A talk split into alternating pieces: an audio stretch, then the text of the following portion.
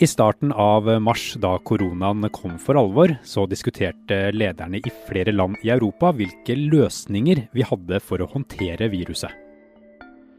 To muligheter har fått mye oppmerksomhet.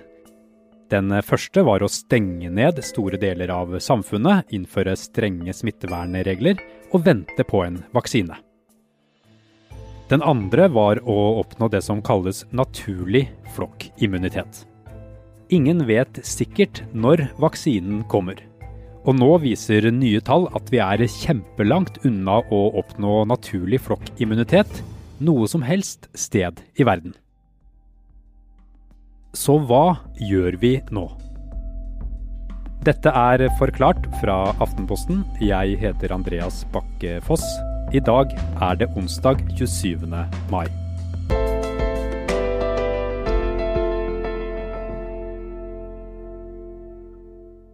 Der måtte vi, møtte vi en Securitas-vakt. Måtte vise frem SMS-en vi hadde fått eh, om innkalling. Tone Tveøy Strøm Gundersen er til vanlig nyhetsredaktør i Aftenposten. Men er også med i en kartlegging over norske barnefamilier. Hun strammet eh, da et bånd rundt armen for å finne blodåren. Og i forrige uke var hun og flere andre i familien innkalt til en test på Ullevål sykehus. Jeg sier at det kommer et lite stikk, eh, og så tappet hun to reagensere med blod ut av armen. Satt på en plastelapp, og det var det. Om en drøy uke får hun svaret. For skal man finne ut hvor mange som har vært smittet av korona, så er en mulighet å lete etter svar i selve kroppen. Og tester som den Tone var på, blir nå gjort i hele verden. Det forskerne jakter på, er hvor mange som faktisk har antistoffer fra koronaviruset i seg. Ja, nå sitter jeg under et pledd, ja. Kollega Øystein Langberg, som er Aftenpostens USA-korrespondent, sier disse antistoffene er en sentral del av kroppens forsvarsverk. Så når du blir syk av et virus, så jobber kroppen på spreng for å bli kvitt det som gjør deg dårlig. Og da lager den antistoffer. Altså noe som bekjemper viruset. Og neste gang du kommer i kontakt med samme virus, så kan kroppen på en måte kjenne det igjen og bruke disse samme antistoffene til å stoppe viruset. Så har du antistoffer i blodet, er tanken at du ikke blir syk av det samme viruset igjen. Folk kan bli immune mot en sykdom som koronaviruset på to måter, egentlig. De kan gjennomgå sykdommen og få antistoffer, som vi snakket om. Eller så kan folk få en vaksine mot sykdommen. Og flokkimmunitet er betegnelsen man bruker om befolkningens samlede motstandsevne, da, eller immunitet, mot f.eks. korona. Så i et samfunn med flokkimmunitet så har viruset veldig vanskelig for å spre seg, og etter hvert så vil det dø ut av seg selv. For hvis du har antistoffer og ikke blir syk, så er tanken at du heller ikke smitter andre. Men hvor mange som må ha antistoffer for at flokkimmunitet skal fungere, det varierer veldig fra sykdom til sykdom. F.eks. For, for meslinger, som er supersmittsomt, så må 90-95% ha antistoffer for at befolkningen skal kunne regnes som immun. Eh, og så er det ingen som helt vet hvor grensen går for koronaviruset. Eh, men det er blitt van vanlig å operere med tall rundt 60 og så finnes det dem som setter det høyere, og dem som setter det vesentlig lavere enn det. I starten kom det svært høye anslag fra forskerne om hvor mange som var antatt smittet av koronaviruset. Anslagene var mye høyere enn de offisielle tallene, og det kan rett og slett være fordi mange ikke ble testet, og en god del har hatt viruset uten å vite om det. Altså, alle har vært enige om at de offisielle tallene på smittede er altfor lave. Og så har spørsmålet vært hvor store er disse mørketallene? Og her har det vært veldig store sprik i antagelsene. Eh, I slutten av mars så meldte f.eks. Financial Times om anslag som viste at så mye som halvparten av den britiske befolkningen allerede kunne ha vært smittet, altså i slutten av mars. Eh, og en studie fra Imperial College anslo at 15% av den spanske befolkningen hadde hatt viruset på samme tid, i slutten av mars. Men nå viser testresultater fra hele verden at de anslagene nok var altfor høye. Vi er straks tilbake.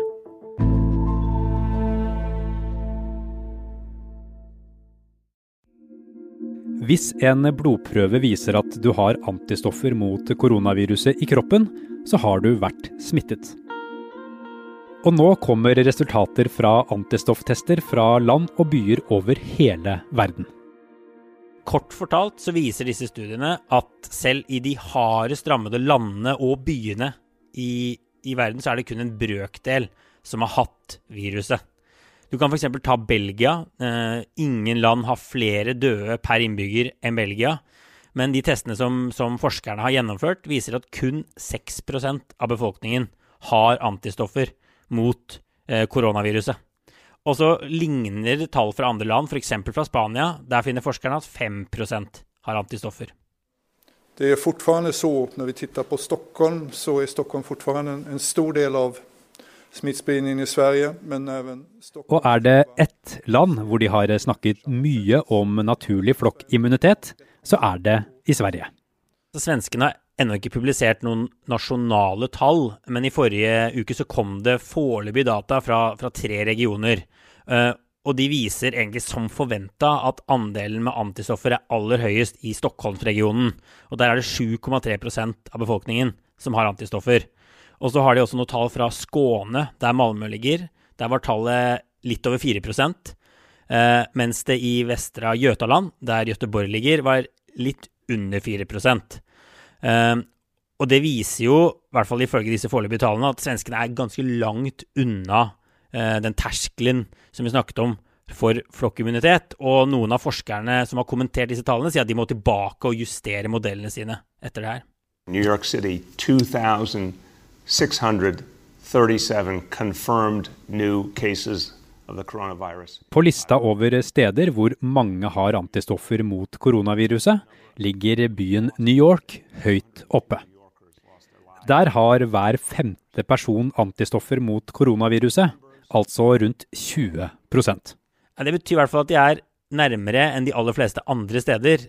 Men dersom det stemmer at flokkimmunitet inntreffer på rundt 60% av befolkningen, så har de jo langt igjen. Og det betyr også at de egentlig er sårbare for nye utbrudd.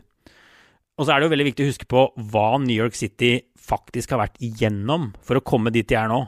Altså Byen har jo vært nedstengt i uke etter uke, og 21 000 av innbyggerne i byen har dødd. Og få ønsker jo å gjennomgå noe som dette én eller to ganger til. Så med alt dette i bakhodet, er det i det hele tatt noen land som vil rekke å oppnå flokkimmunitet før det kommer en vaksine? Altså De forskerne jeg har snakket med, mener at det ser ganske mørkt ut for det. Og Verdens helseorganisasjon slår fast at verden har en lang vei igjen. Alle verdens land har en lang vei igjen til naturlig flokkimmunitet. Eh, og at kostnadene ved å oppnå det vil være uakseptable for, for befolkningen. Eh, for et land som Spania f.eks. vil det trolig innebære mange hundre tusen døde. Alle disse tallene vi snakker om nå, Øystein, er jo mye lavere enn eh, de anslagene som eh, forskerne kom med, og som du snakket om i stad. Hvorfor er det så stor forskjell?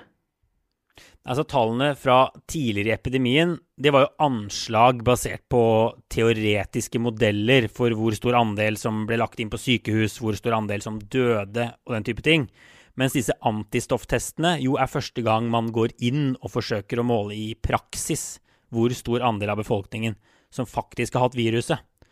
Og så har det vist seg at det er færre enn det i alle fall en del forskere la til grunn.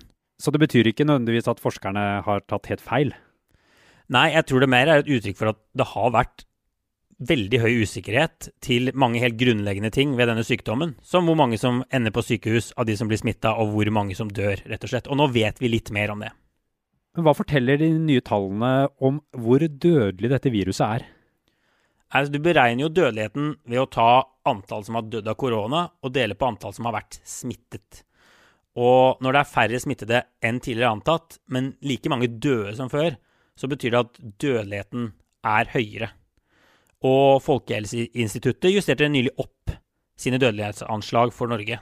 De lå på 0,3% tidligere. Nå er de på 0,7% altså mer enn det dobbelte av hva de var. I Norge er det Folkehelseinstituttet som gjennomfører testingen av antistoffer.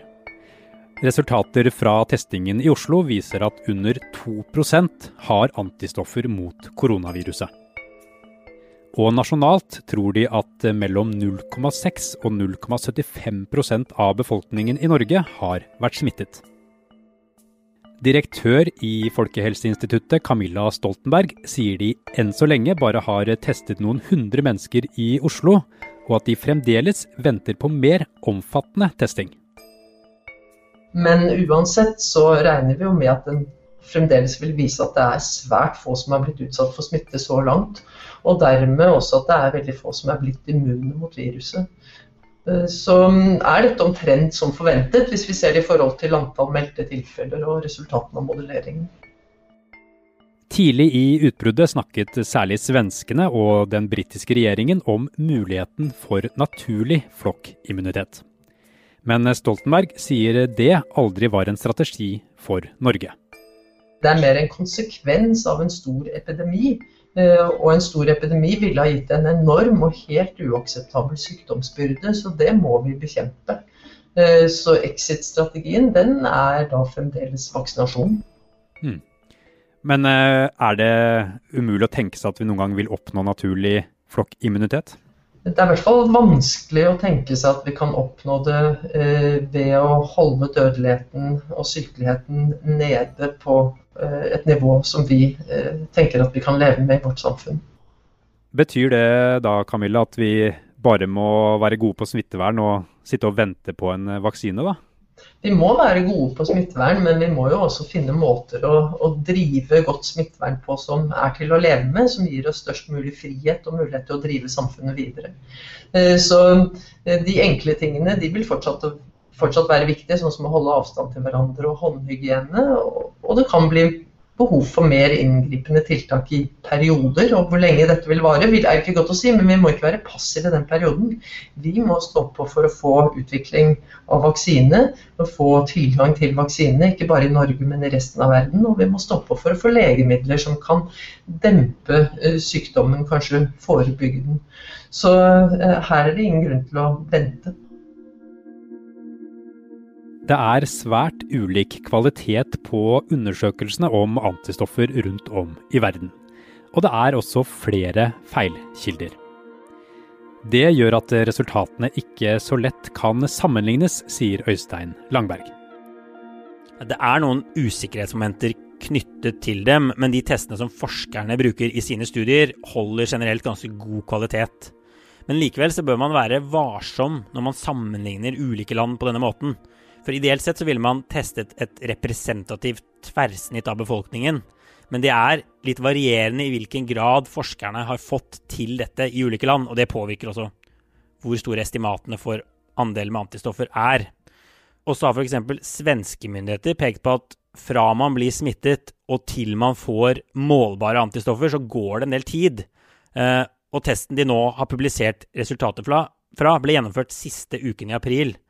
Og Sveriges statsepidemiolog Anders Tegnell mener derfor at denne testen kun gir et bilde av hvordan situasjonen var i starten av april, altså tre uker tidligere.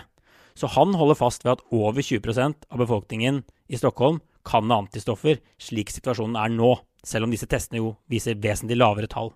Men kan man være immun også uten å ha antistoffer? Altså Det vet man ikke sikkert, men det er eh, noen svenske forskere som har spekulert i at det kan være en mulighet.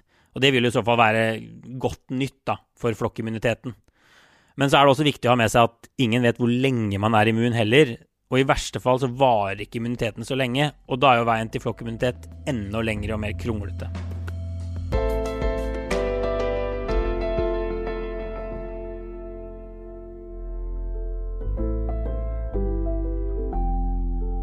Forklart lages av Caroline Fossland, Anne Lindholm, Fride Næss Nonstad, Marit Eriksdatter Gjelland og meg, Andreas Bakke Foss.